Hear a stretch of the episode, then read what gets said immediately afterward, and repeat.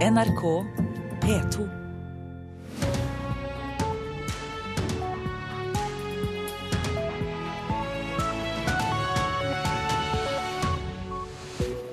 Her i Nyhetsmorgen får du mer informasjon om flyangrepet mot en moské i Syria, som USA innrømmer at de kan ha stått bak. Intern strid i Arbeiderpartiet om private barnehager. Flere fylkesledere vil gjøre det ulovlig å ta ut utbytte, men partiledelsen sier nei.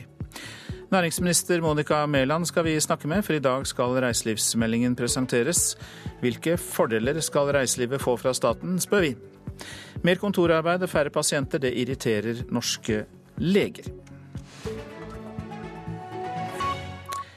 Her i studio i dag, Øystein Heggen. Og vi starter med at USA sier de kan stå bak et luftangrep i området der en syrisk moské ble truffet. Ifølge en eksilgruppe ble minst 42 personer drept og over 100 såret.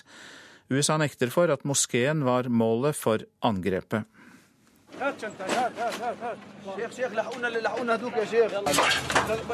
Innbyggerne prøver å grave fram mennesker som ligger fastklemte under den sammenraste moskeen.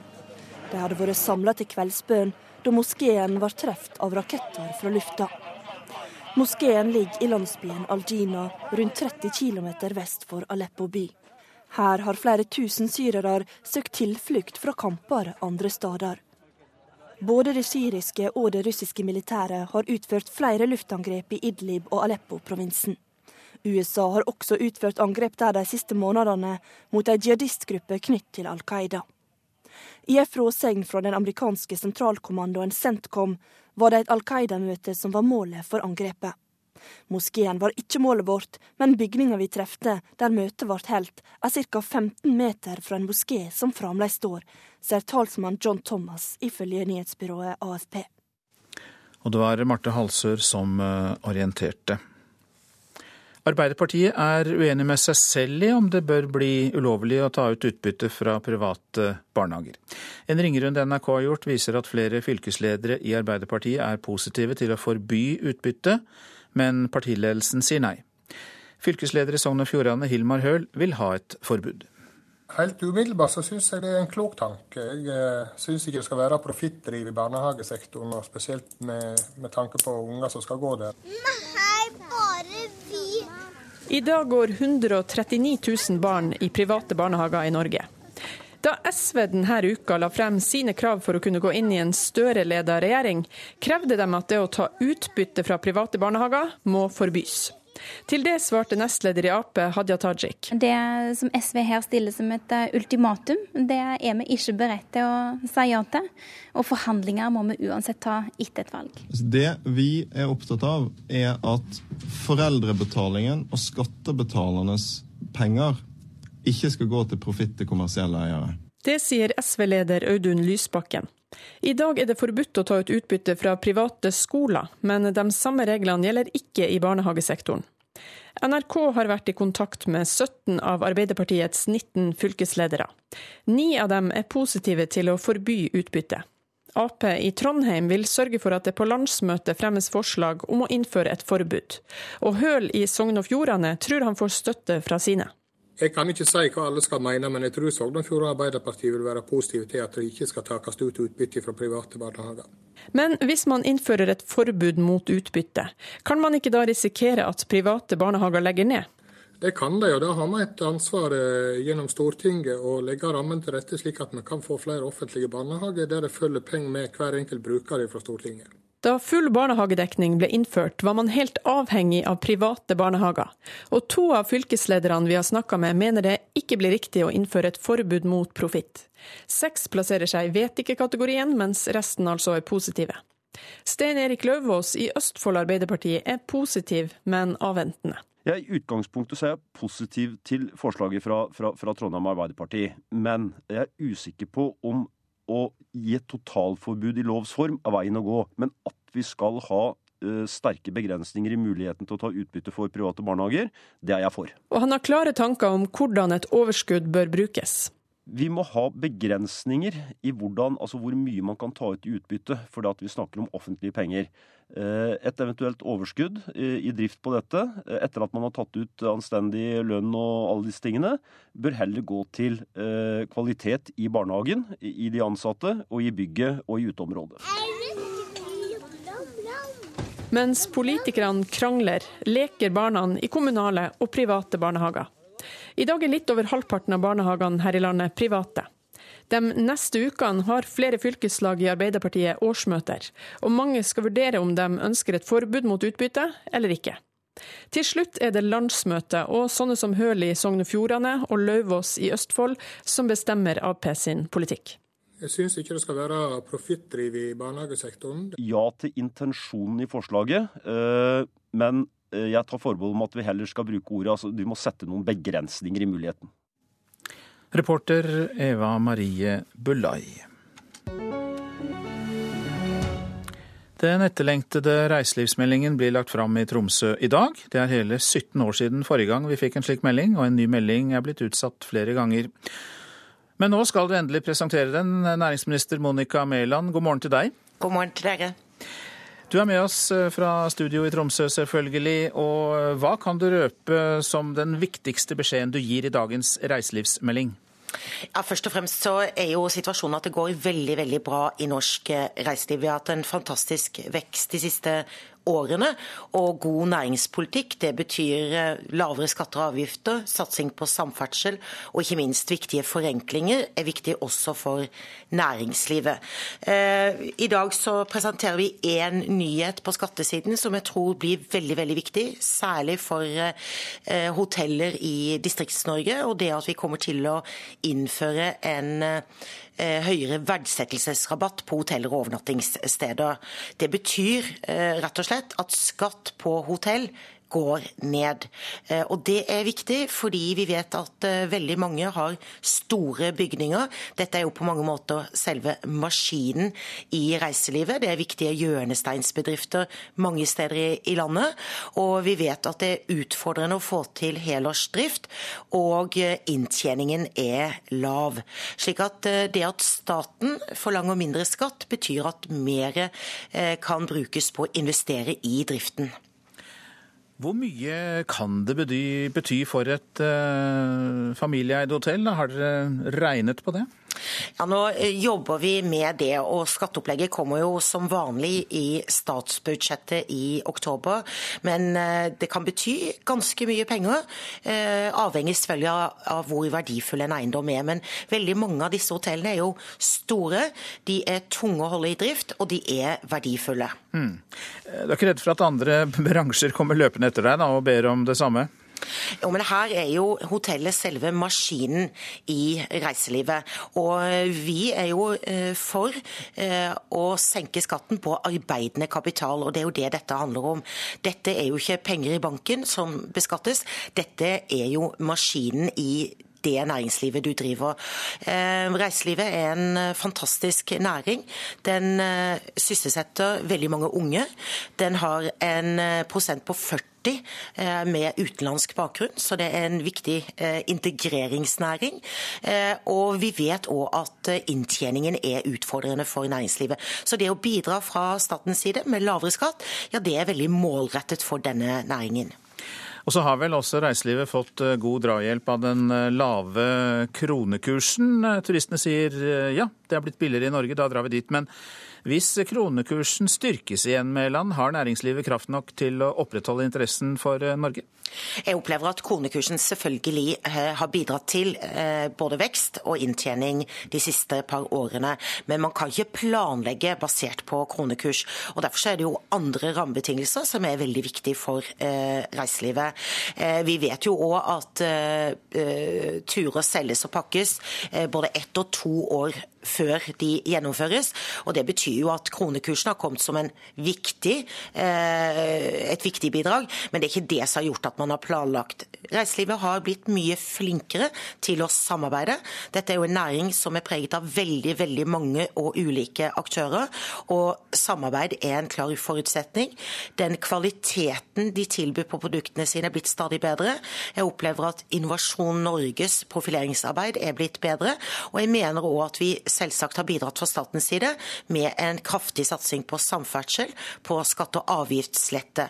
Det at eh, arveavgiften f.eks. er borte, betyr mye for eh, familieeide eh, bedrifter, som vi har mange av i reiselivet. Så dette er en kombinasjon av flere ting. Før vi sier takk til deg, kommer det en turistskatt? For det har jo vært etterlyst, bl.a. fordi kommunene trenger å drive vedlikehold, søppeltømming og slikt etter at turistene har vært der. Nei, det kommer ingen turistskatt. Eh, kostnadsnivået i Norge er høyt eh, nok. Da er målet å få ned kostnadene, ikke få de opp. Så jeg tror ikke en turistskatt er svaret på de utfordringene vi har.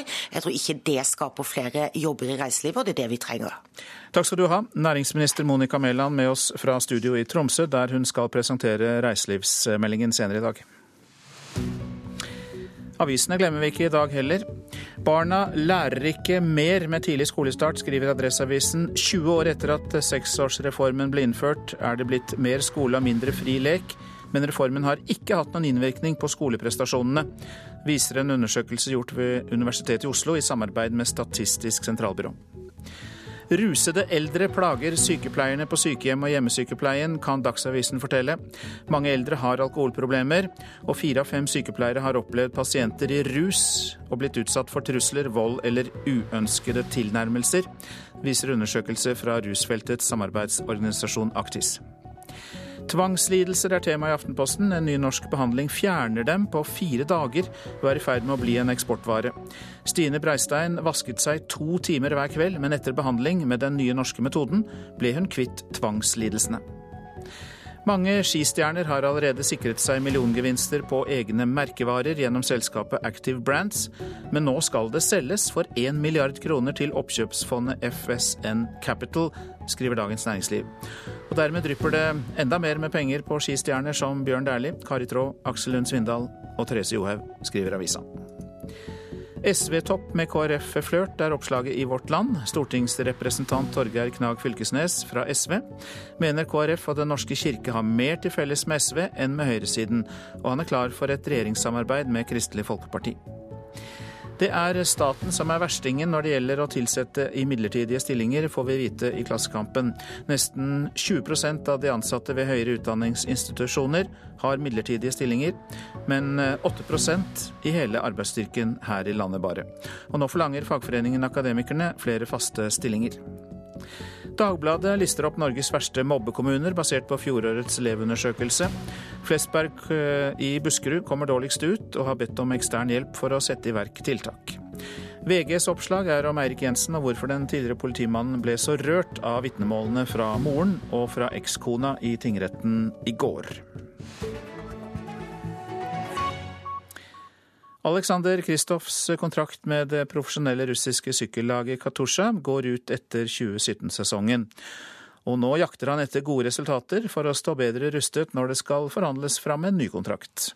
Og i morgen skal han prøve på nettopp det i sykkelrittet mellom Milano og San Remo, som han vant for tre år siden. Jeg kjenner at jeg er klar for det. Eh, fysisk så ser det greit ut.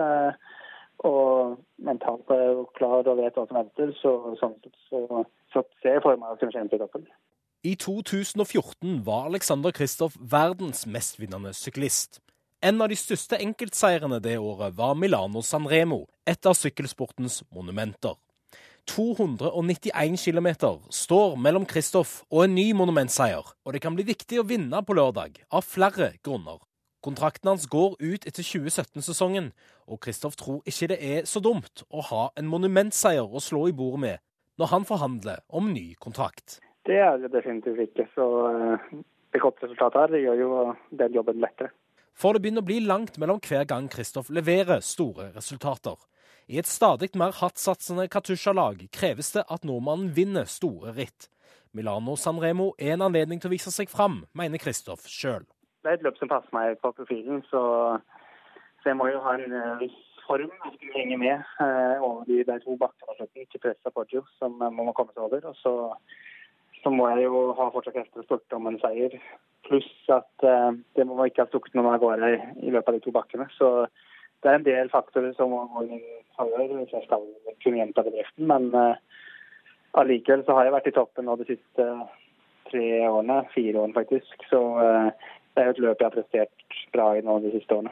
Og det er liten tvil om at det frister Kristoff å ta hjem trofeet i Milano Sanremo igjen. Både prestisje og kontraktsmessig.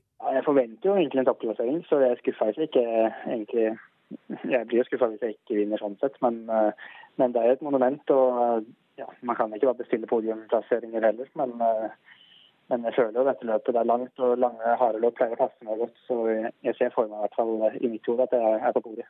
Jeg vil si at uansett uh, har jeg hatt en fantastisk karriere med de andre seierne jeg har hatt i min karriere. Men, uh, men uh, ja, jo flere store seire, jo bedre er det jo. Reporter var Erik Sergio Auklend. Klokka har passert 6.48. Dette er hovedsaker. USA innrømmer at de kan ha stått bak et luftangrep mot en syrisk moské der minst 42 personer ble drept og over 100 såret. USA bombet i området, men nekter for at moskeen var målet for angrepet. Arbeiderpartiet er uenig med seg selv om det skal være lovlig med utbytte fra barnehagedrift. En ringerunde NRK har gjort, viser at flere fylkesledere i Arbeiderpartiet ønsker å forby utbytte fra private barnehager, men partiledelsen sier nei. Regjeringen skal innføre en nedre grense for skolekvalitet. Kommuner med for dårlige resultater skal få hjelp av statlige eksperter. Hva sier lederen i Utdanningsforbundet, Steffen Handal? Vi spør etter klokka sju. Norske leger eh, på sykehusene bruker mer tid på kontoret og har dermed mindre tid til pasientene. Legene er frustrerte og vil ha tilbake sekretærene sine. På poliklinikken så bruker jeg like mye tid på skjermen som på pasientene. Og det er feil. Halve arbeidsdagen ser kirurg Inge Glambekk framfor datamaskinen på Haraldsplass diakonale sykehus i Bergen. Norske sykehusleger bruker nå mer tid inne på kontoret og gjør arbeid de før hadde egne sekretærer til. Det blir lengre ventetid, lengre ventelister, mindre effektiv pasientbehandling. Etter hvert også færre pasienter til operasjon. Glembekk, som også er leder av Norsk kirurgisk forening, forteller at legene er frustrerte og vil ha tilbake sekretærene. Vi prøver å ta det opp med ledelsen at uh, dette er ikke en fornuftig bruk av legearbeidstid. Altså, Vi er jo ute etter hvor vi kan spare kostnader for å bruke den rammen vi har fått av våre folkevalgte på en best mulig måte. Det forteller fagdirektør Bård Christian Skjem i Helse Vest. I tillegg til at legene får flere kontoroppgaver, kommer flere og flere nye datasystem som ikke fungerer som de skal. Direktøren i Helse Vest forteller at det vil ta år før de nye datasystemene vil fungere optimalt. Og da er det lett å spørre seg om en rett og slett burde fått sekretærene tilbake igjen. Ja, altså jeg tror ikke vi skal gå til, helt tilbake til gamle dager, men det man kan gjøre, er jo å vurdere om den utviklingen man har hatt, har gått noe for langt vi syns det er frustrerende å bruke tid på det som vi egentlig mener andre kunne gjort, og bedre enn oss. Det er tryggere for pasientene at doktoren er med sengen enn med, PC-en. Det sa kirurg Inge Glambekk ved Haraldsplass diakonale sykehus i Bergen, reporter Mai Helen Rolfsnes. Det er usikkert om alle får lørdagsavisa si i morgen. Nordpost har levert aviser til 70 000 abonnenter, men denne uka ba selskapet om å bli slått konkurs, og kommer sannsynligvis ikke til å levere lørdagsavisene. Senterpartipolitiker og tidligere samferdselsminister Liv Signe Navarsete krever at regjeringen må ordne opp. Det er å ha vært en altfor dårlig avtale som ikke har fungert. Risikoen ved å konkurranseutsette en slik tjeneste som er viktig for folk, eh, den ser vi jo nå. Eh, når plutselig et selskap går konkurs og folk ikke får den tjenesten de skal ha. Senterpartiets Liv Signe Navarsete er ikke nådig i sin dom over avtalen som gir Ålesundsfirmaet Kvikkas jobben med å distribuere lørdagsaviser til norske hjem. Etter at underleverandøren Nordpost denne uka erklærte seg konkurs, kan det spøke for lørdagsaviser i store deler av landet. Navarsete, som var samferdselsminister fra 2005 til 2009, mener hennes tidligere departement har håndtert avtalen altfor dårlig. Hun mener det nå er statsråd Ketil Solvik-Olsen som må rydde opp. Jeg forventer at han tar initiativet til å få rydda opp i dette. Jeg er overraska over den slette handsamingen denne saken har fått fra Samferdselsdepartementet. Eh, jeg kjenner departementet som tidligere statsråd som et veldig ryddig og kompetent departement. Eh, jeg syns det er underlig at departementet har handsama denne saken slik som en har gjort, uten å ta høgde for at eh, en har kvalitetssikra tilbudet til folk. For eh, det tilbudet som har vært om med lørdagsombæring, har vært under enhver kritikk hele veien. Eh, og det er ikke overraskende at det nå går helt over ende. Avtalen har vært omstridt helt siden Kvikkas overtok jobben i fjor høst, med store leveringsproblemer og misfornøyde abonnenter. Direktør Geir Feltstykke i konkursramma Nordpost forklarer at det var flere årsaker til at den nye ordninga fikk en trang fødsel. Den korte tiden man fikk, eh, og forberedelsene og vanskelighetsgraden som ble undervurdert fra alle parter med å distribuere på lørdager i grisgrendte strøk. Feltstykket tror imidlertid det er håp for fortsatt drift, dersom de finner en kjøper som vil overta Nordpost og drive selskapet videre. Nå sitter det bobestyrer med advokater, revisor og uh, spesialister på bo og går gjennom Aktiva-siden, og det er kontakter ut mot uh, selskaper som man uh, håper kan bli nye eier og ta over eksisterende infrastruktur. Her finnes det biler, bud, eh, maskiner og utstyr som eh, eh, er klare. Samferdselsdepartementet skriver i en e-post til NRK at de forventer at Kvikkas leverer som avtalt, og at selskapet sjøl må svare rundt detaljene.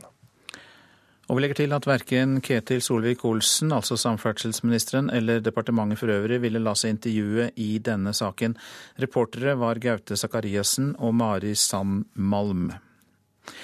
Hele bygda står stiller opp når krigsfilmen 'Den tolvte mann' disse dager spilles inn på Lyngseidet i Nord-Troms. I to uker bidrar lyngsværingene med alt fra kaffekoking og snømåking til det å være statister og trafikkvakter. Det er veldig spennende. Artig å få være med og bidra. Innspilling av film på Lyngseidet i Nord-Troms. Det er den legendariske flukten til motstandsmannen Jan Baalsrud som festes til filmrullen. Men skuespillerne og regissøren er langt fra alene på filmsettet. Vi er også flere titalls frivillige lyngsværinger som gjennom 14 hektiske dager bidrar med sitt til innspillinga. To av dem som er med, er Victoria Skallebø og Anniken Trollstad. Vi har bidratt med å måke snø på veien der oppe og, og feste snø på veggen. Ja, det er veldig spennende å uh, være med og vært med kjentfolk. En som var og mokka meg, vi må ha noen jenter Rolf Johansen sto i går opp eh, grytidlig for å organisere skoleelevene som skulle mokke snø på filmsettet. Læreren ved Eidebakken skole forklarer det store engasjementet for filmen slik. Ja, for det første så, så vet vi at uh, den filmen uh, den har en opprinnelse i Lyngen. Altså, Jan han fikk eh, veldig god support fra folk i Furuflaten, Lyngseide, Mandalen. Så det er liksom en del av, av vår lokale historie uh, som har gjort oss litt stolt gjennom filmen uh, 'We Die Alone', eller boka 'Ni liv'. Uh, og vi er veldig, veldig med på at den filmen som nå lages, og som fokuserer på hjelperne, skal bli god og, og vi ønsker å, være med på det. Også ordføreren i Lyngen bidrar til innspillinga av Den tolvte mann. Ikke bare har han bidratt til å finne locations, Dan Håvard Johnsen har til og med greid å kapre en statistrolle. Ja, Det kom jo litt brått på. Jeg hadde jo ikke tenkt det her i morges, da, men jeg er jo sporty, så jeg hiver meg rundt og blir med. Det er, jo, det er jo kult, hele greia. Min intensjon var jo bare å få guttene hit og lage filmen på fantastiske Lyngsøy med autentiske scener. Det var det jeg tenkte. Og så ble jeg spurt i dag om jeg kunne hoppe inn og være statist, og da sier vi jo ja til det. Og Det var jævlig fint det siste blikket du kasta på de gutta der. Da skjønte jeg alt på, de, på hjørnet. Det er den kjente filmskaperen Harald Svart som står bak Den tolvte mann. Han har latt seg imponere over innsatsen til lokalbefolkninga i Lyngen. Nei, Man blir jo helt eh, varm av å tenke på at vi er så blir ønsket så velkomment. For de har jo virkelig stått på alle sammen, eh, unge og eldre, og de har skuffa snø og laga mat og satt, lånt oss husene deres. Det har vært helt utrolig. Vi hadde aldri klart dette her uten eh, hjelp fra de frivillige og lokale aktører i Lyngen. da. Er det sånn her i Hollywood? ja. Der er folk litt mer plassert. Der, litt, der må, må du kanskje betale litt mer. Og filmen 'Den tolvte mann' har premiere i november. Reporter på Lyngseide var Rune Norgård Andreassen.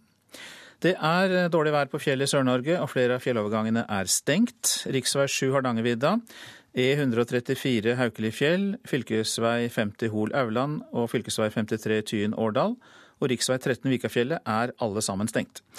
E16 Filefjell og fv. 52 Hemsedalsfjellet er fortsatt åpne, og så er det da kolonnekjøring på rv. 15 Strynefjellet og rv. 9 Hovden-Haukeli. Og så tar vi været, da, som eh, sikkert interesserer eh, mange i dag, siden det er mye vind. Østafjells eh, liten sørvestlig kuling på kysten, og første del av dagen vestlig stiv kuling vest for Oksøy. Det blir minkende vind til kvelden, stort sett opphold og perioder med sol, men regnbyger i Vest-Agder.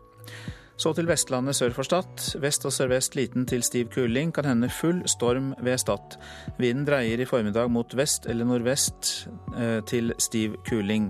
Utpå ettermiddagen blir det minkende vind. Regnbyger, snøbyger over 200 meter og utrygt for torden. Møre og Romsdal og Trøndelag. Det kan bli full eh, sørvest storm nær Stad. I Møre og Romsdal fortsetter det med opptil liten storm fram til kvelden. I Trøndelag eh, minkende til nordvest stiv kuling utover formiddagen. Bygevær utrygt for torden i dette området. Nordland og Troms sørlig stiv kuling utsatte steder. Fra ettermiddagen nordlig periodevis sterk kuling i Lofoten og Vesterålen. Sludd og snø- og sluddbyger. Troms eh, sørlig stiv kuling utsatte steder. Fra ettermiddagen nordlig periodevis sterk kuling, snø og sludd av og til. Finnmark sørlig liten kuling utsatte steder. Fra ettermiddagen bris. Sterkere vind igjen til kvelden, men nordlig stiv kuling i Vest-Finnmark. Oppholdsvær i Finnmark, på vidda litt snø, seinere snø også i resten av fylket. Svalbard nordlig liten kuling utsatte steder, men liten storm i nordlige områder først på dagen. Minking til bris til kvelden og oppholdsvær.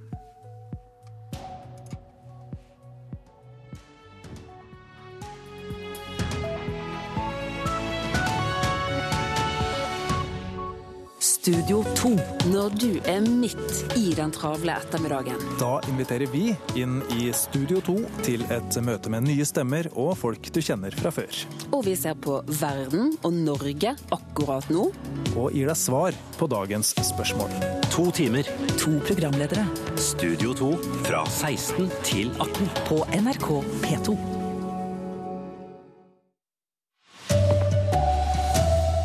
USA sier de kan ha stått bak et luftangrep mot en syrisk moské, der minst 42 ble drept og over 100 såret. Norske sykehusleger fortviler over all tiden de må bruke på papirarbeid. Det er tryggere for pasientene at doktoren er med sengen enn med, PC-en. Her er NRK Dagsnytt klokken sju. USA sier altså at de kan ha stått bak et luftangrep i området der en syrisk moské ble truffet i går. Ifølge en eksilgruppe ble minst 42 mennesker drept og over 100 såret. USA sier det ikke var meningen å treffe moskeen.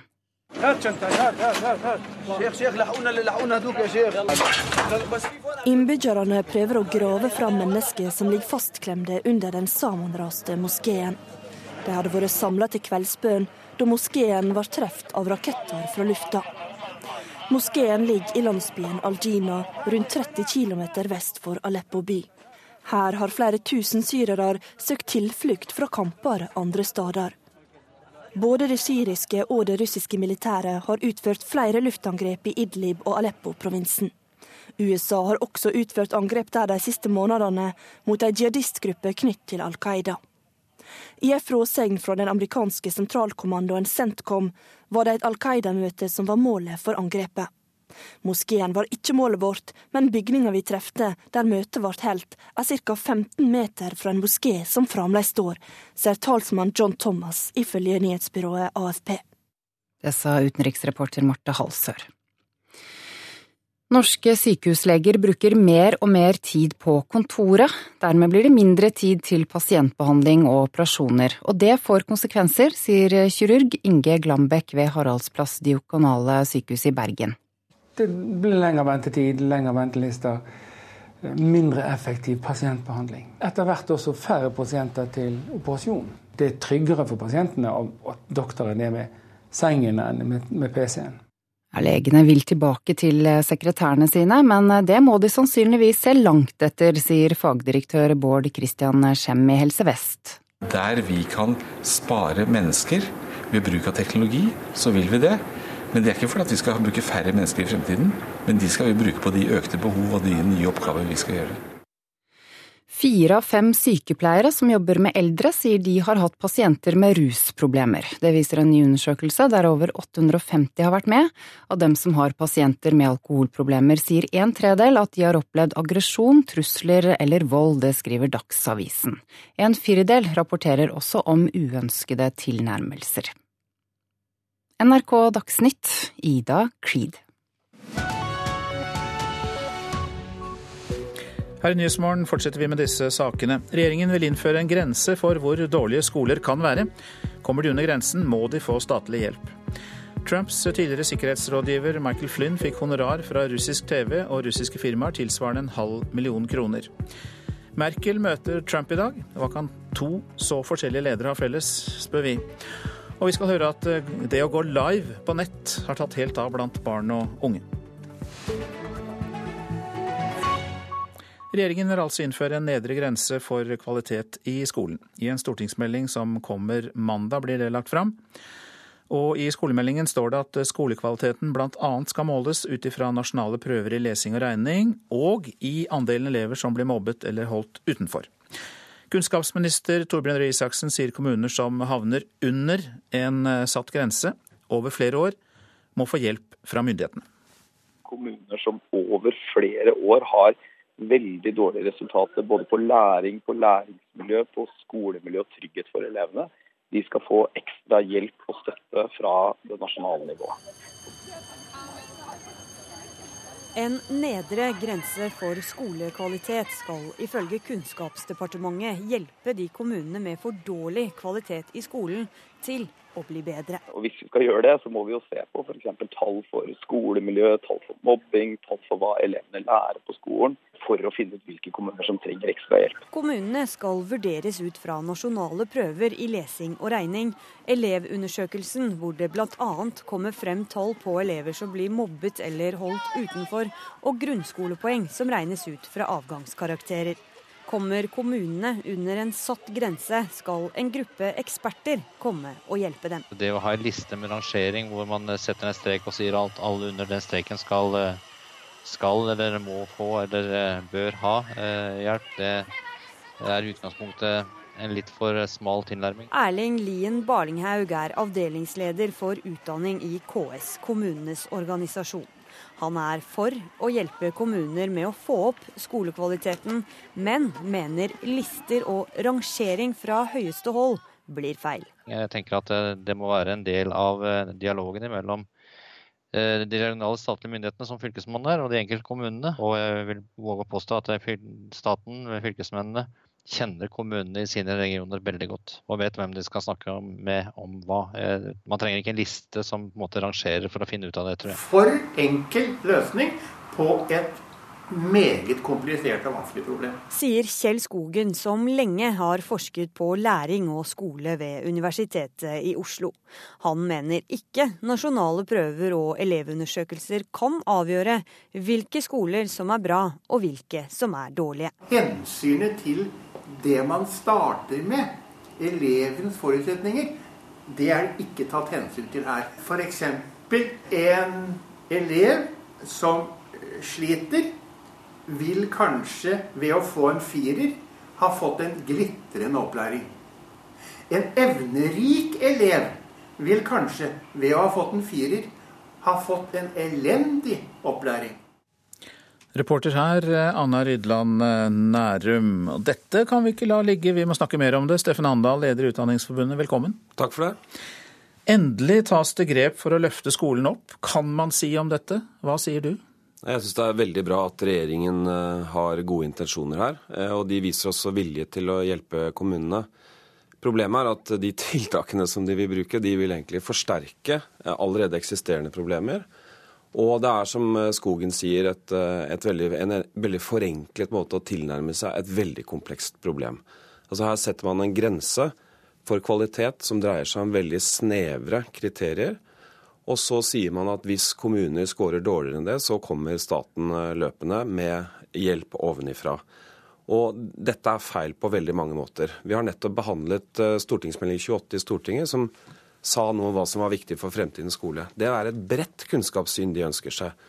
De ønsker seg et kvalitetsvurderingssystem som ikke innsnevrer. De ønsker seg faktisk at lærerprofesjonen og skolens folk skal, ha, skal, legge premissene for skoleutvikling. Ja, men jeg lurer jo på det. Vi som ikke jobber i skolen, vil jo kunne si at elevundersøkelser og nasjonale prøver er i hvert fall én måte å måle på. Og så får man vite noe, og så kommer man i gang med å hjelpe skolene. Ja, det hadde jo vært veldig bra hvis det var så enkelt. Men det er det altså ikke, og det peker forskerne på, det peker KS på, og det peker altså nå lærerne på.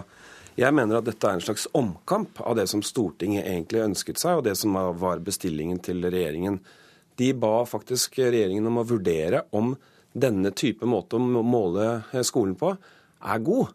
Og de ville egentlig legge til rette for mer en tillitsreform. En måte å utvikle skolen på som bygget på tillit. Dette er det motsatte. Det er svært uheldig at regjeringen velger dette, og de kommer til å få kritikk både fra eh, lokale skolemyndigheter nå, fra Utdanningsforbundet og også fra forskerhold. Jo, men en eh, tillitsreform høres vel og bra ut, men det er jo ikke så konkret som dette. Hvordan skal man da kunne måle resultatene fra lærernes arbeid, eh, fra skolenes organisering, hvis man, eh, for å hjelpe dem, hvis man ikke er villig til å bruke noen kriterier for å måle? Myndighetene er nødt til å kjenne skolene sine godt. Og vi vet at over tid så er det som har vært et av de store, den store utfordringen i skolesektoren, det har vært man har bygget ned skolefaglig kompetanse i kommunene. Så det er faktisk veldig få i kommunene mange steder som kjenner til hva som foregår i skolen. Det er ikke et godt utgangspunkt for å hjelpe til. Så vi må styrke den skolefaglige kompetansen. Og så må vi sørge for at også ressursgrunnlaget for disse skolene er godt. Det, betyr nok lærere, nok andre yrkesutøvere som kan se elevene med ulike blikk, sånn at man kan jobbe sammen for den enkelte elev. Ja, altså Målemetodene er åpenbart for enkle etter din eh, oppfatning da. Men er det ikke positivt at uh, myndighetene sier at staten kan komme inn og hjelpe uh, skoler som sliter? Jo, det er veldig bra. Og vi har i dag veilederkorps som fungerer ganske godt. Men problemet her er at dette skal gjelde for en sånn slags Robek-liste for skole, skoler og kommuner. Hva ligger i det, da? Det betyr at man måler på, en, på enkle parametere, så sier man du duger ikke. Du får et stempel, og så kommer staten og skal eh, drive med insisterende veiledning og si nå skal du gjøre sånn og sånn. Det vet vi at den type styring fungerer ikke i skolesektoren. Faktisk, vi fikk nylig en lærerrollerapport som dokumenterer dette. Dette var eksperter som satt og så på det historiske utvikling. De har sett på forsknings, det forskningsmessige grunnlaget og konkluderer ganske tydelig på at den type styring alene vil ikke hjelpe til med skoleutvikling. Til slutt, Steffen Handal. Eh, vil du bidra til at man finner en løsning på dette likevel? For at poenget her er jo å hjelpe dårlige skoler. Mer enn gjerne. Jeg vil gjerne sitte i dialog både med KS, med, med, med regjeringen og med representanter fra andre som er interessert, for å finne ut hvordan vi kan utvikle norsk skole. Og jeg tror det er helt riktig som regjeringen sier, at det er en del kommuner som trenger hjelp. Det er bare et spørsmål om hvordan vi skal gjøre det. Takk skal du ha, Steffen Handal, leder i Utdanningsforbundet.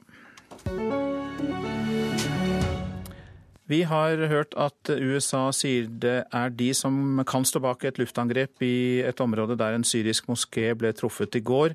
42 personer ble drept og over 100 såret, ifølge en syrisk eksilgruppe, SOHR. Det amerikanske forsvaret hevder at målet for angrepet var et Al Qaida-møte og ikke moskeen. Korrespondent i Midtøsten Kristin Solberg, du er med oss. Hvorfor gjennomfører USA angrep i dette området? Ja, USA har jo lenge utført luftangrep i eh, Syria mot IS-mål, men også mot uh, Al Qaida. Og nå bekrefter de altså at de utførte et dødelig angrep i denne delen av Syria i går, og at det var det samme angrepet som ble rapportert mot moskeen i går. Men de nekter for da at moskeen var målet. De sier derimot at dette var et luftangrep rettet mot et møte Eh, av Al Qaida-medlemmer. og det er, eh, det er, den amerikanske hovedkommandoen Centcom som sier det. De sier moskeen var ikke vårt mål.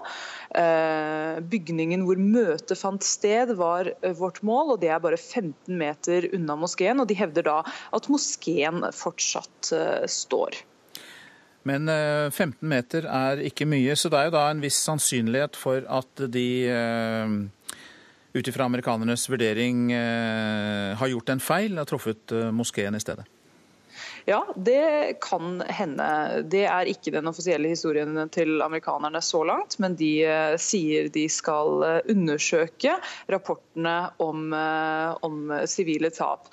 Og akkurat hva som har skjedd er eh, ganske vanskelig å si, all den tid det er eh, få uavhengige informasjonskilder eh, der inne. Både av, av journalister og uavhengige observatører. Dette er et hjørne av Syria som, som er opposisjonskontrollert og ikke lett å komme til. Og Vi vet heller ikke om de drepte var, var Al Qaida, slik, slik USA hevder. USA hevder at de drepte flere terrorister såkalte terrorister, mens eh, syriske observatører for menneskerettigheter, eh, eksilgruppen, sier derimot at de aller fleste av de drepte er sivile. Så her har vi ord mot ord, og kanskje vil vi få mer info i løpet av dagen og de neste dagene etter hvert som mer info fra bakken kommer ut. Avslutningsvis, Kristin Solberg, Det er jo ikke første gang vi hører om at amerikanerne er innblandet i angrep som har rammet sivile. Det er det ikke, og det er svært uh, alvorlig. Nå er det rapportert om 42 drepte, og det kan komme til uh, å stige. U USA sier jo offisielt at uh, er, de har drept 220 sivile i luftangrep i Irak og Syria de siste årene, men både aktivister og uavhengige organisasjoner sier at antallet nok er mye, mye høyere. Det er vanskelig å vite fordi områdene der det skjer er utilgjengelige. Mange takk, Midtøsten-korrespondent eh, Kristin Solberg. Landsmøtesesongen er i gang for de politiske partiene her hjemme. Sist helg med Høyre, i dag SV, som samles på Gardermoen. Der du også er, programleder for Politisk kvarter, Lilla Sølhusvik. Ja da, og det er et rødere og grønnere SV som samles i dag. Etter mange nedturer de siste årene, så legger nå SV-ledelsen vekt på at de har fått flere medlemmer og en ørliten vekst på meningsmålingene. Denne helga skal de bli enige om fire krav som de skal stille til Arbeiderpartiet og Senterpartiet for å kunne samarbeide. Så er det mange som vil ha sine krav inn på den lista, men SV-ledelsen mener de skal prioritere knallhardt. For det er nemlig en av de feilene de gjorde sist, at de ikke klarte å prioritere. Så får vi se om landsmøtet klarer det. Og når jeg skal snakke med SV-leder Audun Lysbakken i Politisk kvarter om ja, en halvtimes tid, så skal jeg selvfølgelig høre også hvilke andre SV feller han har tenkt å prøve å unngå å falle i. Klokka 7.45. Nå er klokka 7.15. Dette er hovedsaker. USA innrømmer at de kan ha stått bak et luftangrep mot en syrisk moské der minst 42 personer ble drept og over 100 såret. Regjeringen skal innføre en nedre grense for skolekvalitet, og har skolene for dårlig resultat, skal de hjelpes av statlige eksperter. Men vi har hørt at Utdanningsforbundet er skeptisk til målemetodene. Tidligere nasjonal sikkerhetsrådgiver i USA, Michael Flynn, eh, mottok over 67 000 dollar fra russiske firmaer og russisk fjernsyn. Det skal vi straks høre mer om. For det er altså den nasjonale sikkerhetsrådgiveren, eh, den tidligere altså, til Donald Trump, Michael Flynn, som mottok disse pengene. Det tilsvarer rundt 570 000 norske kroner og det kom fra russisk fjernsyn og andre russiske firmaer. Det er dokumenter som viser dette offentliggjort av kontrollkomiteen i Kongressen. Flynn ble jo sparket fra jobben da det ble kjent at han hadde løyet om samtaler med Russlands ambassadør.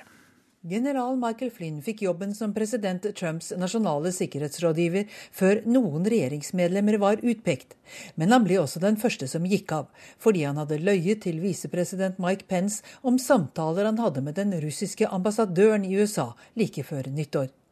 I går ble det kjent at Flynn mottok rundt 67 000 dollar, eller 570 000 kroner, fra ulike russiske kilder i form av honorar, flybilletter og hotellopphold. Det går fram av et brev fra et av medlemmene i Kongressens kontrollkomité til president Trump. Det dreier seg om et transportflyselskap, et datasikkerhetsselskap og den halvoffisielle engelskspråklige russiske fjernsynskanalen RT. Høsten 2015 stilte den pensjonerte generalen opp i en rekke intervjuer på RT, der han argumenterte for et tettere russisk-amerikansk samarbeid i kampen mot IS og radikal islamisme i Syria. From not only uh, Russia and the United States working together mm. and trying to work with the other partners that we all have in this region can, can uh, come up with some other solutions. Ikke bare diplomatisk, men også militært. Russland og USA må jobbe sammen, også med de andre partnerne i regionen, så vi kan komme opp med en annen løsning, sa Flynn til russisk TV. Fram til høsten 2014 var han sjef for USAs militære etterretning, og derfor i russernes øyne ingen hvem som helst. Men det har altså aldri vært offisiell amerikansk politikk å samarbeide militært med Russland i Syria. Fra før var det kjent at Flynn deltok med et foredrag på en galla for fjernsynskanalen RT i Moskva i desember 2015, og at han under middagen satt ved siden av president Putin. Men at han mottok rundt 45 000 dollar i form av honorar og dekning av utgifter for seg og sønnen, det ble først kjent i går. I tillegg har han mottatt 22 500 dollar for to foredrag for russiskeide firmaer her i den amerikanske hovedstaden. Flynn var rådgiver for Trump under store deler av valgkampen, men det er ingenting som tyder på at han informerte om pengene før han takket ja til stillingen som nasjonal sikkerhetsrådgiver. Hele fem komiteer i Kongressen er nå i gang med å granske mulige kontakter mellom Trumps stab og Russland under valgkampen i fjor. Groholm Washington. Og I dag besøker Tysklands forbundskansler Angela Merkel USAs president Donald Trump i Det hvite hus i Washington. Besøket skulle ha funnet sted tidligere i uka, men ble utsatt pga. uvær. Men eh, godt vær er det jo tilsynelatende ikke mellom de to. Her skal vi høre et kutt fra Donald Trump der han sier at eh, USA beskytter Tyskland, men at Merkel har ødelagt landet. Folk var tidligere stolte over å være tyskere, det er de ikke lenger. Mine venner drar derfra, sier Trump. So we protect Germany. Germany is a behemoth, an economic behemoth. It's being destroyed by what Merkel has done there, what she has done to Germany. I have friends from Germany.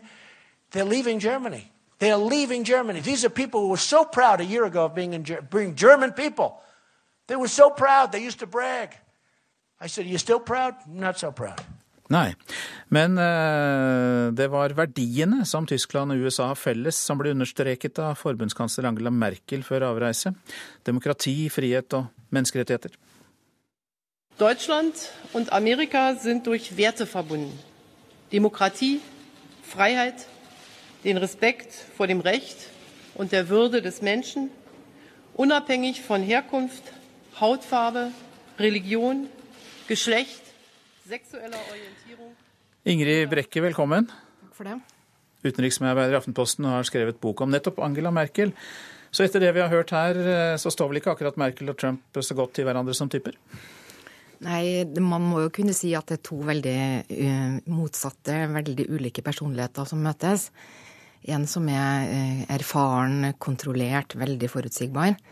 Og en som ikke er det, kan vi vel si. Men eh, tror du at de likevel eh, klarer å få en relasjon eh, seg imellom? Det vil jeg nesten tro. Angela Merkel har jo veldig lang erfaring i å snakke med sånne alfahanna, eller hva man skal kalle det. Sånne autoritære, brautende politikere. Så hun har jo lært mye av å, å ha å gjøre med Berlusconi eller Putin eller Erdogan, som hun, hun ofte uh, treffer og snakker med. Og så har hun også mye erfaring med, med næringslivsfolk. Vant til å snakke med amerikanere av alle slag. Sånn at eh, det er ikke sikkert at dette går så dårlig som man skulle tro når man hørte de klippene eh, der hvor Trump snakker i begynnelsen der. Nei, for at, uh, han har rettet kritikk mot hennes flyktningepolitikk. Hun på sin side har kritisert hans innreiseforbud. Blir slike ting tema òg?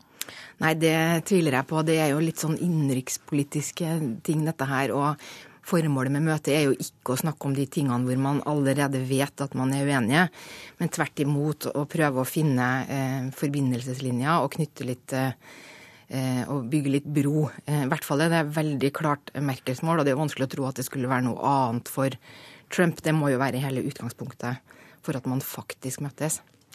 Nå har vi jo snakket om eh, dem som personer, hvor forskjellige de er, at de likevel kan finne en relasjon seg imellom. Men la oss snakke om de viktige tingene, da, det som de virkelig skal snakke om, som virkelig står i fokus.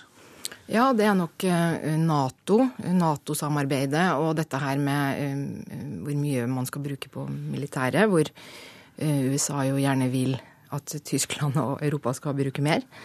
Så er det konflikten i Syria, konflikten i Ukraina. Og så blir det nok en god del handelspolitikk. Det står veldig høyt på den tyske dagsordenen før dette møtet. Ja, Hun har jo med seg en hel gjeng med næringslivstopper. Er det vanlig? Ja, tyskerne har ofte med seg næringslivsfolk når de drar, men her har hun nok tenkt litt nøyere over enn vanlig hvem det skal være. da. Så det er Siemens-sjefen og BMW-sjefen. Og de skal nok både prøve å skape litt tillit for Trump. De tenker kanskje at han snakker mer lettere med og stoler mer på næringslivsfolk. Pluss at de skal prøve å forklare at eh, disse tyske investeringene fører til veldig mange arbeidsplasser eh, i USA, som jo er et sånt hett tema for Trump. Og det, Grunnen til at dette er så viktig å få frem, er jo nettopp dette at tyskerne er redd for, for Trumps proteksjonisme. Tyskland eksporterer jo omtrent dobbelt så mye til USA som, som de kjøper tilbake. Det er litt den samme strategien som Børge Brende hadde da var over der. Da listet opp hvor mange arbeidsplasser Norge kunne bidra med i USA. ja, det kan du si. Og tyskerne sikkert mange flere.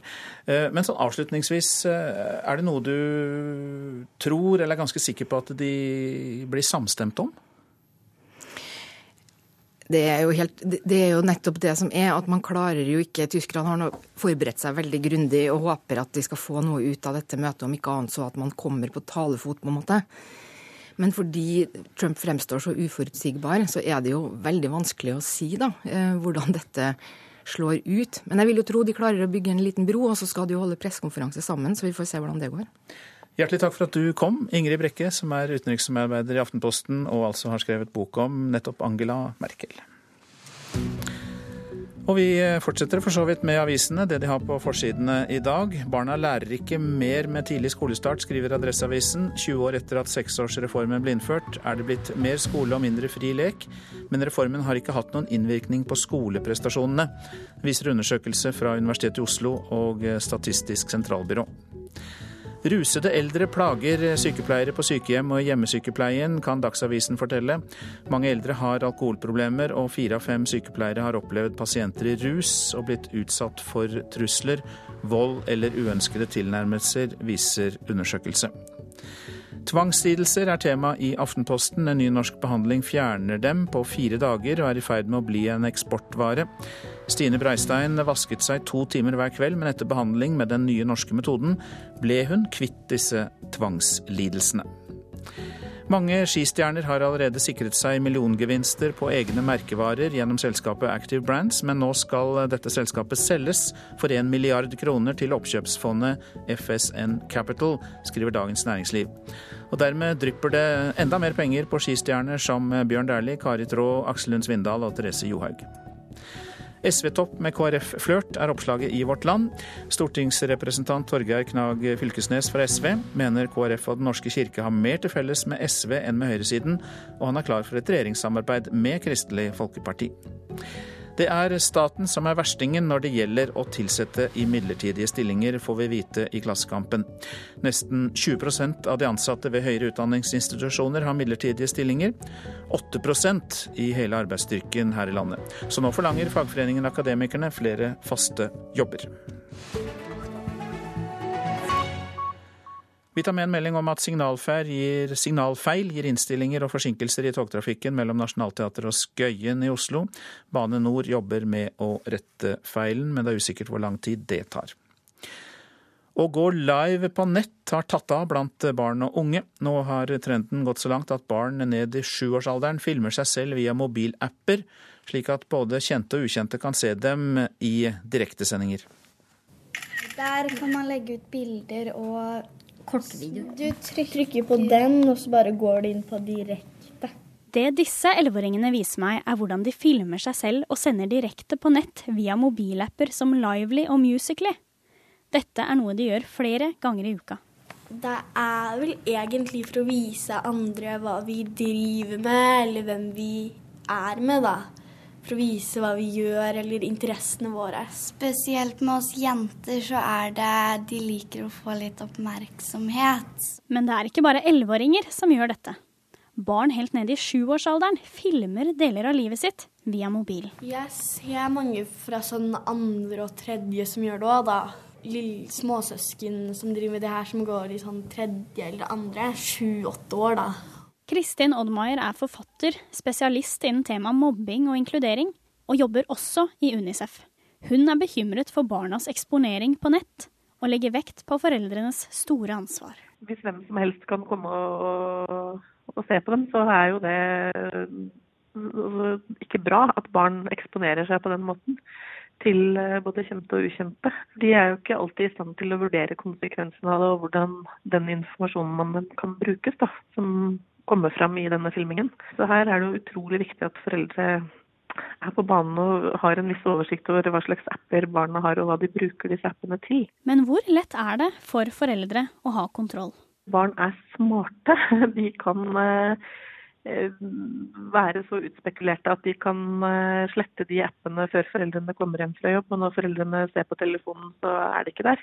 Og dette er noe barna kjenner seg igjen i. Alle andre har det, så kanskje de bare laster ned uansett, og så bare sletter de det hver gang foreldrene sier sånn Kan jeg se på telefonen din og sånn? Veldig mange av vennene har Musically og sånne ting, og da føler de at de også vil ha det for å ikke bli utestengt. Oddmeier mener foreldre bør engasjere seg mer i barnas nettbruk, og selv komme mer på banen. Eh, men jeg mener at voksne på akkurat samme måte som de må sette seg inn i håndball og fotball og sånn, så må man sette seg inn i barnas liv på nettet og hva de gjør der. Men også barna har tanker om hvem som kan se de på nett. Si um, Helene på tolv i kommentarfeltet kan være Jan på 56, liksom. Og reporter var Karoline Stangenes. Prosent for Nyhetsmorgen i dag, Marit Selmer Nederlid, og her i studio Øystein Heggen.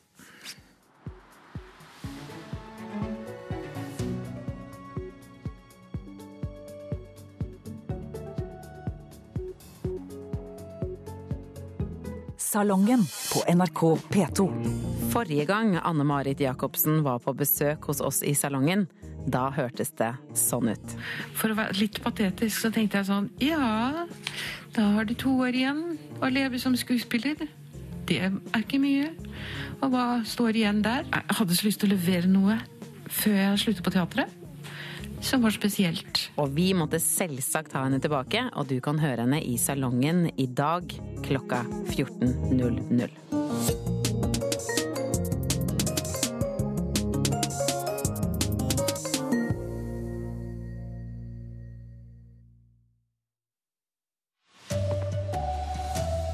USA innrømmer at de ved en feil står bak det dødelige angrepet i en moské i Syria i går. Statlige eksperter skal hjelpe de dårligste skolene, foreslår regjeringen. Og Senterpartiet krever garanti for at folk fortsatt får avisen i postkassen på lørdager. Ved å konkurranseutsette en slik tjeneste som er viktig for folk, den ser vi jo nå. Her er NRK Dagsnytt klokken 7.30. Ja, USA sier de har utført et luftangrep i området der en syrisk moské ble truffet. Ifølge en eksilgruppe ble minst 42 mennesker drept og over 100 såret. USA sier det ikke var meningen å treffe moskeen.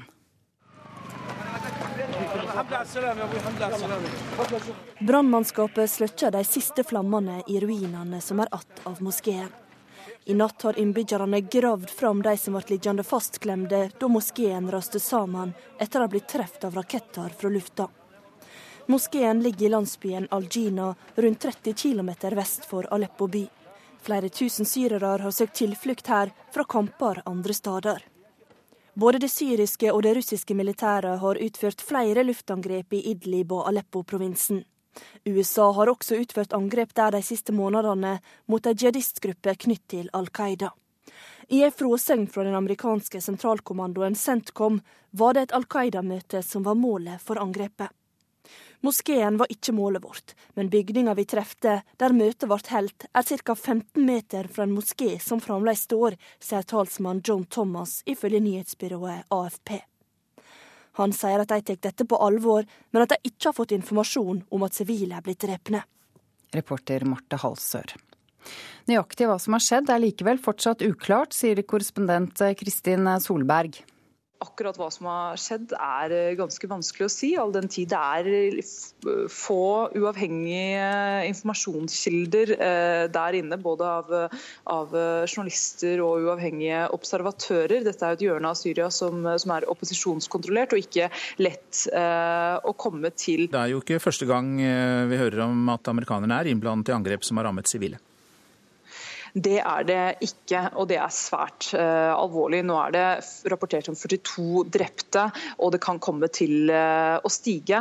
U USA sier jo offisielt at uh, er, de har drept 220 sivile i luftangrep i Irak og Syria de siste årene, men både aktivister og uavhengige organisasjoner sier at antallet nok er mye, mye høyere.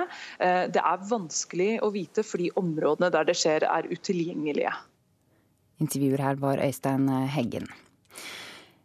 Regjeringen innfører en nedre grense for skolekvalitet i en stortingsmelding som blir offentliggjort på mandag. Kommunene skal rangeres etter resultater på nasjonale prøver og Elevundersøkelsen. Og de som havner under grensen skal få hjelp og veiledning fra staten, sier kunnskapsminister Torbjørn Røe Isaksen. Kommuner som over flere år har veldig dårlige resultater både på læring, på læringsmiljø, på skolemiljø og trygghet for elevene. De skal få ekstra hjelp og støtte fra det nasjonale nivået. Kommunene skal vurderes ut ifra nasjonale prøver i lesing og regning, og resultater fra elevundersøkelsen om bl.a. mobbing og motivasjon. I tillegg skal også standpunktkarakterer fra 10. klasse vurderes.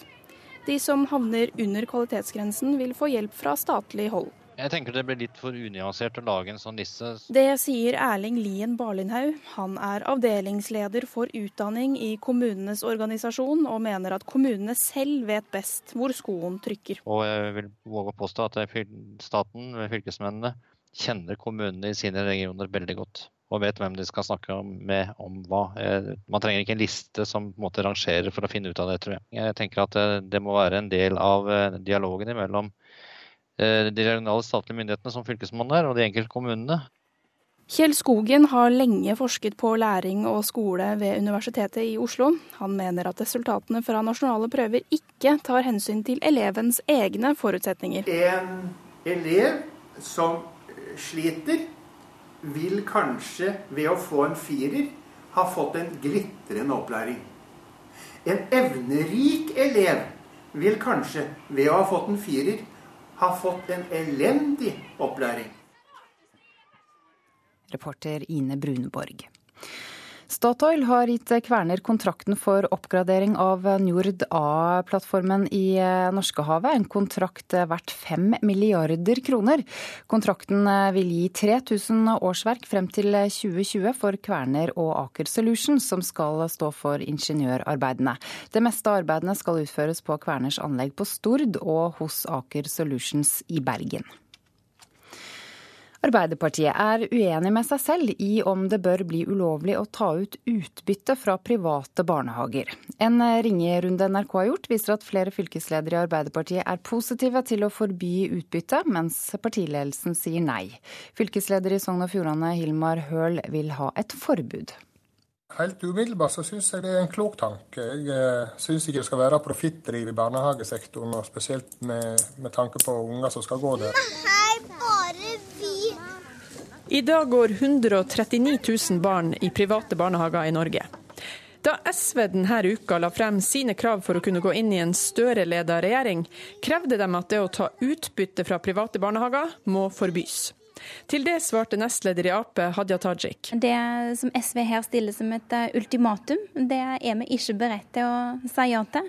Og forhandlinger må vi uansett ta etter et valg. Å bruke offentlige penger på at eh, noen eh, private, store konsern skal kunne berike seg, det syns jeg blir feil. Det sier fylkesleder i Østfold Arbeiderparti Stein Erik Lauvås. NRK har vært i kontakt med 17 av Ap sine 19 fylkesledere. Ni av dem er positive til å forby utbytte. Ap i Trondheim vil på landsmøtet i april fremme forslag om forbud, og Høl tror han får støtte fra sine. Jeg kan ikke si hva alle skal mene, men jeg tror Sogndal Arbeiderparti vil være positive til at det ikke skal takes ut utbytte fra private barnehager. Løvås er ikke like skråsikker på at et forbud er veien å gå. Ja, I utgangspunktet så er jeg positiv til forslaget fra, fra, fra Trondheim Arbeiderparti, men jeg er usikker på om å gi et totalforbud i lovs form er veien å gå. Men at vi skal ha uh, sterke begrensninger i muligheten til å ta utbytte for private barnehager, det er jeg for. Reporter Eva Marie Bulai. Norske hoteller skal betale mindre skatt. Det foreslår regjeringen i den nye reiselivsmeldingen som blir lagt frem i dag. Næringsminister Monica Mæland mener skattelettelsen blir viktig, spesielt i distriktene. I dag så presenterer vi én nyhet på skattesiden som jeg tror blir veldig veldig viktig, særlig for eh, hoteller i Distrikts-Norge, og det at vi kommer til å innføre en eh, høyere verdsettelsesrabatt på hoteller og overnattingssteder. Det betyr eh, rett og slett at skatt på hotell går ned. Eh, og det er viktig fordi vi vet at eh, veldig mange har store bygninger. Dette er jo på mange måter selve maskinen i reiselivet. Det er viktige hjørnesteinsbedrifter mange steder i landet. Og vi vet at det er utfordrende å få til helårsdrift, og eh, inntjeningen er lav. Slik at det at staten forlanger mindre skatt, betyr at mer kan brukes på å investere i driften sa næringsminister Monica Mæland. Selskapet Norpost har bedt om å bli slått konkurs, og avisabonnenter landet rundt står dermed i fare for ikke å få lørdagsavisen. Senterpartipolitiker og tidligere samferdselsminister Liv Signe Navarsete krever at regjeringen rydder opp i kaoset som har oppstått etter at Posten sluttet å levere. Det er og har vært en altfor dårlig avtale som ikke har fungert. Risikoen ved å konkurranseutsette en slik tjeneste som er viktig for folk, eh, den ser vi jo nå. Eh, når plutselig et selskap går konkurs og folk ikke får den tjenesten de skal ha. Senterpartiets Liv Signe Navarsete er ikke nådig i sin dom over avtalen som gir Ålesundsfirmaet Kvikkas jobben med å distribuere lørdagsaviser til norske hjem. Etter at underleverandøren Nordpost denne uka erklærte seg konkurs, kan det spøke for lørdagsaviser i store deler av landet. Hun mener statsråd Ketil Solvik-Olsen må rydde opp. Jeg er overraska over den slette handsamingen denne saken har fått fra Samferdselsdepartementet. Eh, jeg syns det er underlig at eh, departementet har handsama denne saken slik som en har gjort, uten å ta høgde for at eh, en har kvalitetssikra tilbudet til folk. Samferdselsdepartementet skriver i en e-post til NRK at de forventer at Kvikkas leverer som avtalt, og at selskapet sjøl må svare rundt detaljene. Reportere Gaute Sakariassen og Mari Sand Malm. Det er Sven Gullvåg som er ansvarlig for dagsnyttsendingene denne morgenen. Jeg heter Ida Creed.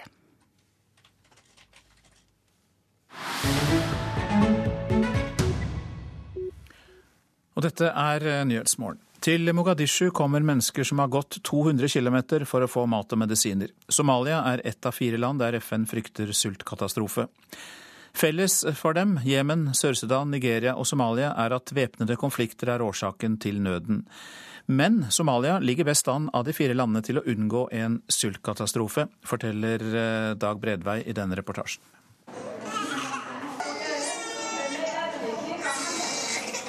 At spedbarn på en barneavdeling på et sykehus i Mogadishu gråter, er et godt tegn. Situasjonen deres er mindre alvorlig enn for barna som ikke har krefter til å gråte. Begge kategorier spedbarn er å se på Banadir sykehus i den somaliske hovedstaden. I flere senger sitter mødre holder rundt ungene sine. Noen barn er svært magre. En liten gutt får næring gjennom et plastrør i nesa. En annen er så tynn at ribbeina nærmest buler ut av den skjøre, lille kroppen. Gutten ser apatisk ut i lufta idet han løftes opp av moren, som heter Asho Ali.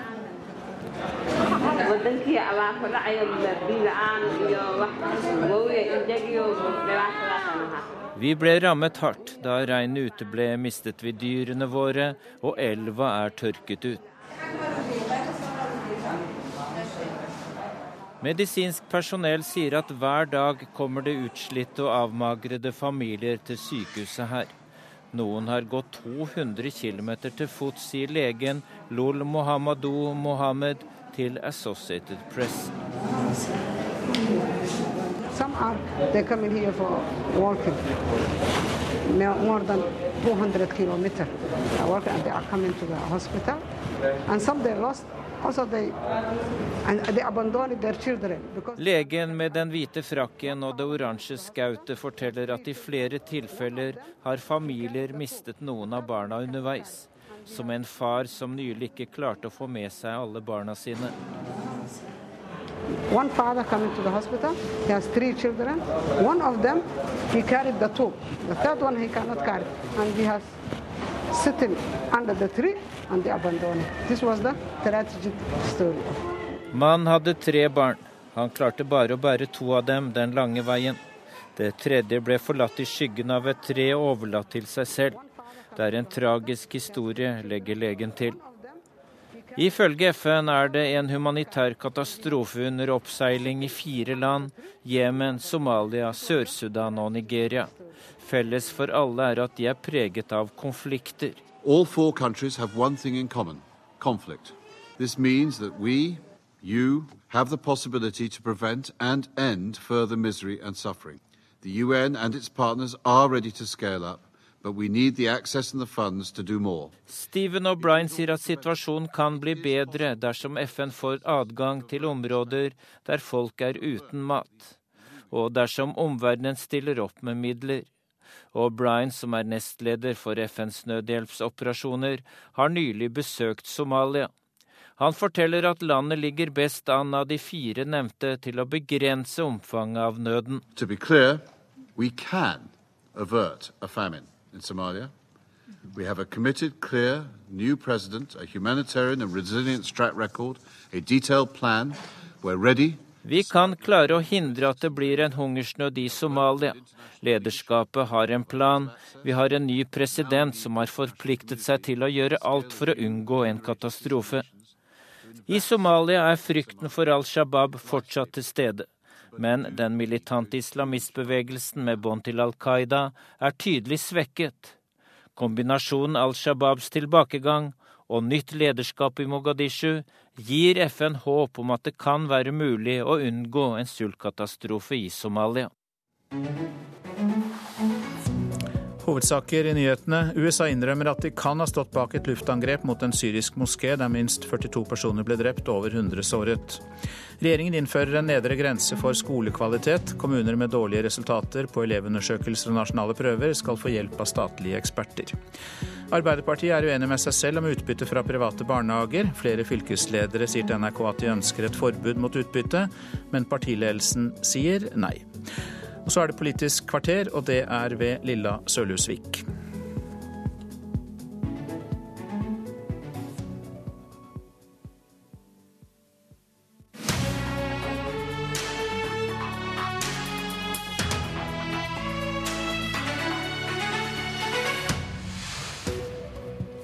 Landsmøtesalen på Gardermoen skal farges rødt, på samme måte som landet skal farges rødt etter valget.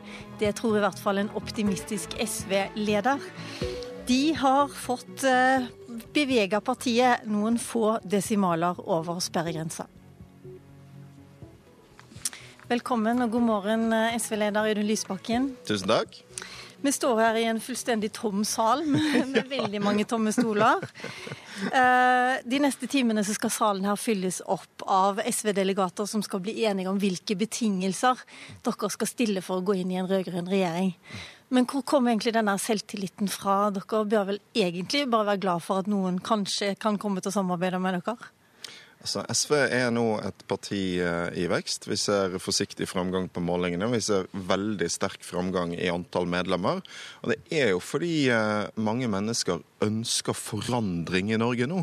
Forskjellene i makt og rikdom øker veldig fort. Vi har eh, blitt lovet et taktskifte i klimapolitikken, for så vidt fått det, for nå øker klimagassutslippene etter mange år med forsiktig nedgang. Folk ønsker forandring, og SV er et redskap for forandring. Vi har tenkt å gjøre dette valget til et oppgjør med de økende forskjellene. Og vi er det tydeligste alternativet til den blå regjeringen. Og det gir grunnlag for optimisme, mener jeg. Men altså, Da du tok over for fem år siden, så var det fem minutter herfra, eh, på Lillestrøm. ja. det, var, da, det, var, samme uke som du måtte gå av det. Eh, som statsråd så ble du eh, SV-leder, og siden har partiet gjort katastrofale valg. Bare så vidt kommet over sperregrensa. Da går jeg fortsatt bare så vidt over sperregrensa. Altså, Vi har eh, ligget uh, stabilt på det samme nivået i noen år, og det er vi jo ikke fornøyd med. Vi har tenkt å vokse. Det betyr vel egentlig at du ikke har klart å gjenreise helt dette partiet? Det betyr at vi har lagt et godt grunnlag for det som skal skje nå. Og både utviklingen i organisasjonen og den politiske utviklingen legger et godt grunnlag for at SV kan gjøre et godt valg til høsten. Så får vi se hva som skjer da, men jeg tror vi skal få det til fordi den politiske utviklingen i Norge viser at det trengs en kraft til venstre. Når forskjellene øker så sterkt som de gjør i dag, så trenger vi noen som vil rigge om skattesystemet sånn at det begynner å omfordele. Vi trenger noen som vil stille opp for de familiene som har minst i det norske samfunnet. Vi trenger noen som vil gjøre noe med at eh, svære summer forsvinner fra vår felles velferd, for å gjøre noen få rike mennesker rikere. Det vil vi. Vi har de tøffeste løsningene og er det tydeligste alternativet til de blå. Men akkurat det at dere har de tøffeste løsningene, det har dere jo sagt noen år også. Og så ble dere veldig kjent for å gå i en del SV-feller. Hvilke SV-feller skal du ikke gå i nå? Altså, jeg er først og fremst stolt av det SV gjorde de årene vi var med å styre landet. Eh, vi fikk til mange ting som betyr noe i hverdagen for folk. Den kaller barna som har barnehageplass. Vi fikk til en skattepolitikk som trakk i retning mindre forskjeller istedenfor større. Jo, men sant, jeg syns det der spørsmålet om feller er helt rart. Hvis det, hvis det å gå i en felle og få gjennomslag for forandring, så gjør jeg det gjerne en gang til, jeg. Men vi har jo tenkt å gjøre en del ting annerledes denne gangen, også fordi vi i dag er et parti med erfaring med makt. Og en av de tingene du skal gjøre annerledes, så vidt jeg forstår, det er også lage en liste. Det er det dere skal jobbe med denne helga. Lage en liste på fire punkter, det er i hvert fall innstillingen. Og de fire punktene det er økt barnetrygd for å bekjempe fattigdom, oljefrie områder, nasjonal lærernorm og profittfri velferd innen barnehager, barnevern og asylmottak. Hvorfor, eh, hvorfor stiller dere akkurat disse fire kravene? Det er fordi vi vil sikre at vi ikke bare får en ny regjering til høsten, men en ny retning. Eh, og fordi vi vil vise velgerne hva det er vi har tenkt å få til, også på områder der det er forskjeller mellom oss og de andre rød-grønne partiene. Eh, og vi vet at i noen av disse sakene så er vi nødt til å være veldig tydelige hvis vi skal få gjennomslag. F.eks. Eh, barnefattigdommen. Vi må, hvis vi får et nytt flertall, gjøre noe med den voksne barnefattigdommen. Vi har snart 100 000 fattige barn. Det klarte ikke den forrige rød-grønne regjeringen. Det er fordi det ikke var nok vilje til å øke inntektene til de fattigste familiene. Derfor sier vi at vi skal ha gjennomslag for eh, en økning av barnetrygden som kan monne for de. Eller kampen mot overfylte klasserom rundt om i skolen. Vi må få en nasjonal norm all erfaring tilsier at du får ikke bort overfylte klasserom. Du får ikke nok lærere i skolen uten mer nasjonal styring. Nå har vi snakket om dette i årevis, nå må vi gjøre det. Og da er det selvfølgelig sånn at Hvis da, vi skal inn i et samarbeid, mm. da skal vi ha gjennomslag for en del ting som er viktige for oss. Og jeg tenker det er ryddig og ærlig å si det, både til de vi skal forhandle med, og som vi skal bytte ut regjeringen sammen med, og til de vi ønsker skal stemme på oss. Men Hvordan måler du det gjennomslaget? Er det da sånn at du f.eks. i en regjeringserklæring vil se at det man skal innføre en maksimumsgrense da, for, å, for antall elever per lærer. Og det skal være på skolenivå. Ja, vi eh, mener at en sånn norm er nødt til å være på skolenivå hvis den skal uh, gjøre nok forskjell ute i skolene. Og Der har vi også lærerne sine organisasjoner med oss. De er helt tydelige på det.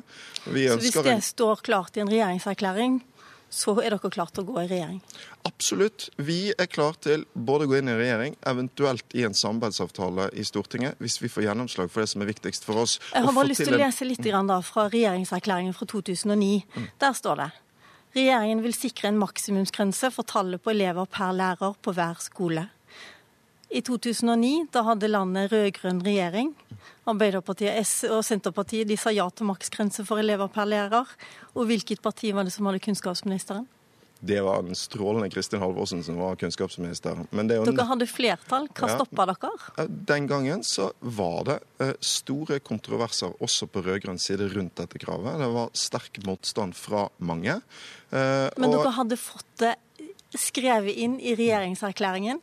Det sto der svart på hvitt. Det står der fortsatt. Siden har ingenting skjedd. Men det er nettopp pga. den erfaringen jeg er så tydelig på at om vi får gjennomslag for dette eller ikke, avgjør om vi er med i en samarbeidsavtale eller ikke. Men det, det hjelper fordi... åpenbart ikke å skrive det ned, da? Jo, men nå kommer vi til å være helt tydelige på at skal vi være med i et samarbeid, skal vi få til dette. Det kan folk stole på. Vi skal sørge for at det blir slutt på overfylte klasserom. Men kan nettopp, du forklare oss hvorfor, når dere har utdanningsministeren, dere har flertall, dere har enighet, Hvorfor blir det ikke noe av det likevel? Penger hadde dere til og med. Fordi det var sterk motstand mot dette, bl.a. i uh, de andre partiene den gangen, som ikke ønsket en sånn løsning. Uh, knyttet til hvordan, sant? For det sto ikke hvordan denne normen skulle gjennomføres i den regjeringserklæringen. Det vil det, det vel derfor... ikke stå. Det står det ikke det utkastet dere skal forhandle om nå heller? Jo, det står det. Det står at det skal være på skolenivå, at det skal være hele grunnskolen, og at det skal være 15 elever per lærer fra første til fjerde trinn, og 20 elever per lærer fra 5. til 10. trinn. Og det fant jeg også i papirer fra valgkampen i 2009. Ja, Det var våre krav, men det sto ikke i den regjeringserklæringen. og Derfor så gjør vi det annerledes denne gangen. Eh, og sier at skal vi skrive under en avtale, så skal vi få til det. Nettopp pga. den erfaringen du sier. Og det... Men skjønner du at, at eh, velgerne vil si at uh, de hadde sjansen? De kunne gjort noe med det? Jeg tror folk vil se at nettopp den erfaringen gjør at vi gjør noen ting annerledes. Det var noen ting vi sterkt ønsket å få til, som vi ikke fikk til den gangen. Knyttet til barnefattigdom og lærere. Men... Og Det er derfor de sakene er på denne listen nå. Det er derfor vi går til valg på en annen måte. Og det er derfor vi er helt tydelige på at skal vi være med, så skal vi ha gjennomslag for dette. Tydeligere enn det kan jeg ikke si det. Fordi En av de SV-fellene som oftest trekker fram, det er jo nettopp dette med at dere skrev i Soria Moria-erklæringen første gang at man skulle avskaffe barnefattigdom, uten å si hvordan. Men når det gjelder eh, maksimumsgrense, så er det jo akkurat det som står. Maksimumsgrense for tallet på elever per lærer. Hvor mye mer konkret skal man egentlig være? Man må være så konkret at det står hva slags grense det skal være. Eh, og det var det jeg nettopp sa, det sto ikke den gangen. Eh, og derfor så oppstår det strid rundt hvordan man skulle gjennomføre dette. Det var et krav vi sto altfor alene om. I dag så er det jo stor i, i, bevegelse rundt dette. Ifølge Kunnskapsdepartementet jeg sjekka i går, så var det ikke gjort noen forsøk i det hele tatt? Det ble jo bevilget eh, eh penger til flere lærere i den perioden. Det ble gjennomført et eh, forsøk med 600 nye lærere i ungdomsskolen. Men det var jo en svær debatt den gangen, både i regjeringen og ute. Men det var uenighet om hvordan du skulle gjøre det. Og det er nettopp derfor vi denne gangen sier skal vi skrive under en avtale, så skal vi ha enighet om en maksgrense og hvordan det gjøres. Eh, og Det kravet vi fremmer, det har altså backing fra lærernes organisasjoner. Jeg er helt sikker på at det er utrolig mange foreldre og barn rundt om i landet som er opptatt av det. For flere lærere er det viktigste for mer kvalitet i skolen vår. Da blir det mer tid til hvert enkelt barn.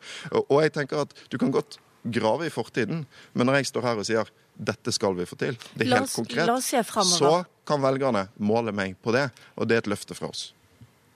La oss se fremover. Dere vil ha eh, barnehageplasser fortsatt til alle, det var dere kjent for sist også. Men hvordan skal dere skaffe nok barnehageplasser når alle private forventes å drive uten profitt? For det første så eh, er det masse private barnehager i eh, Norge som ikke driver uh, for profitt. Og det er jo ikke det at noen eiere kan ta ut millioner som gjør at barnehager går rundt. Det som gjør at barnehager går rundt, er at det er fantastisk flinke folk som jobber der, og at fellesskapet og foreldrene betaler. Vi er lei av at store summer skal forsvinne ut av velferden vår og gjøre noen rike mennesker rikere. Vi mener at hver eneste krone skal nå fram til ungene. Vårt veldig enkle krav er at alt du som forelder betaler inn til barnehagen din, skal du vite går til barnet ditt. Men tror du ikke mange private ikke vil være interessert hvis ikke de klarer å tjene penger på det? Hvis noen av disse store konsernene sier at de bare driver barnehage for å ta ut svær fortjeneste, så syns jeg jo de avslører seg sjøl. Det viser jo i hvert fall hvorfor det er nødvendig å gjøre noe med dette. Hvorfor vi må sørge for at pengene faktisk når fram til ungene. Den viktigste forutsetningen for at vi har nok barnehager til alle, det er jo staten sin betaling og foreldrene sin betaling.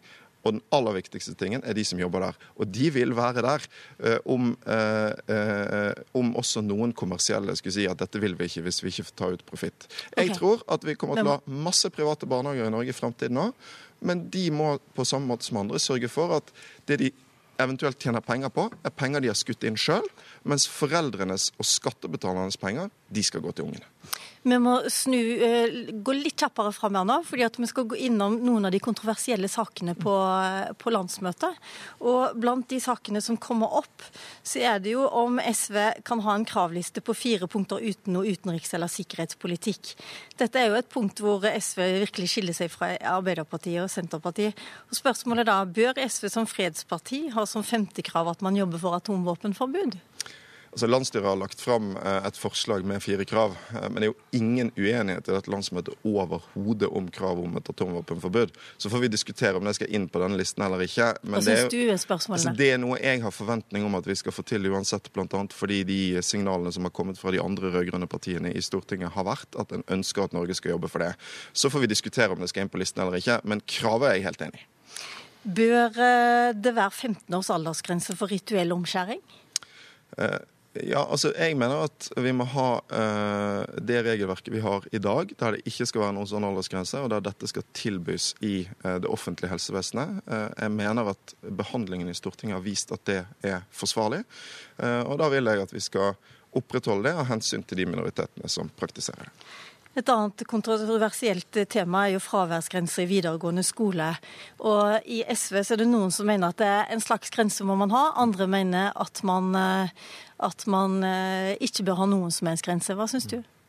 Altså, mitt utgangspunkt når dette kom opp i fjor, var at jeg var mot fraværsgrense. Vi fremmet et forslag om det i Stortinget, og det var veldig bra, for det gjorde at fraværsgrensen ble mye mindre rigid enn den var planlagt. Jeg har tenkt å måle fraværsgrensen på om frafallet øker eller ikke. Det vet vi ikke helt ennå, så når de tallene kommer, skal vi ta endelig stilling til hvordan vi skal gjøre det, om vi bør stå på det vi har ment til nå, og som jeg står inne for, at vi ikke bør ha en fraværsgrense, eller om vi bare bør ha en som er mindre rigid enn den som er i dag, som fortsatt jo har veldig mange rare konsekvenser rundt om på skolene. Og så eh, skriver Torgeir Knag Fylkesnes, han er stortingsrepresentant, i sitt endringsforslag at man eh, kan bruke en liten del av oljefondet til å bygge en effektiv og hurtig jernbane i hele landet. Da ryker handlingsregelen. Hva syns du om det? Altså, jeg er for å bruke oljepenger til å bygge jernbane, men det er ikke nødvendig å bryte handlingsregelen. SV er et parti som uh, i dag uh, bruker minst oljepenger av alle partiene på Stortinget. og Det er fordi vi er flinke til å fordele. Uh, og venstresiden skal være best på å fordele, ikke på å bruke. Veldig kort.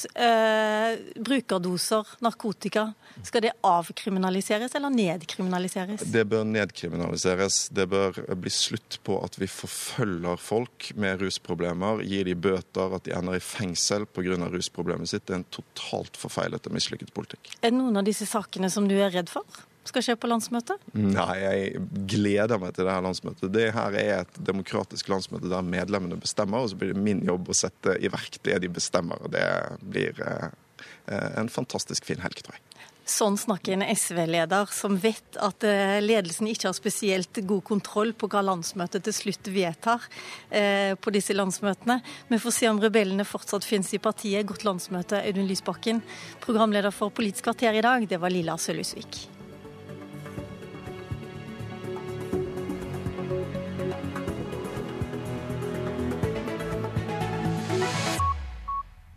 Hør flere podkaster på nrk.no podkast.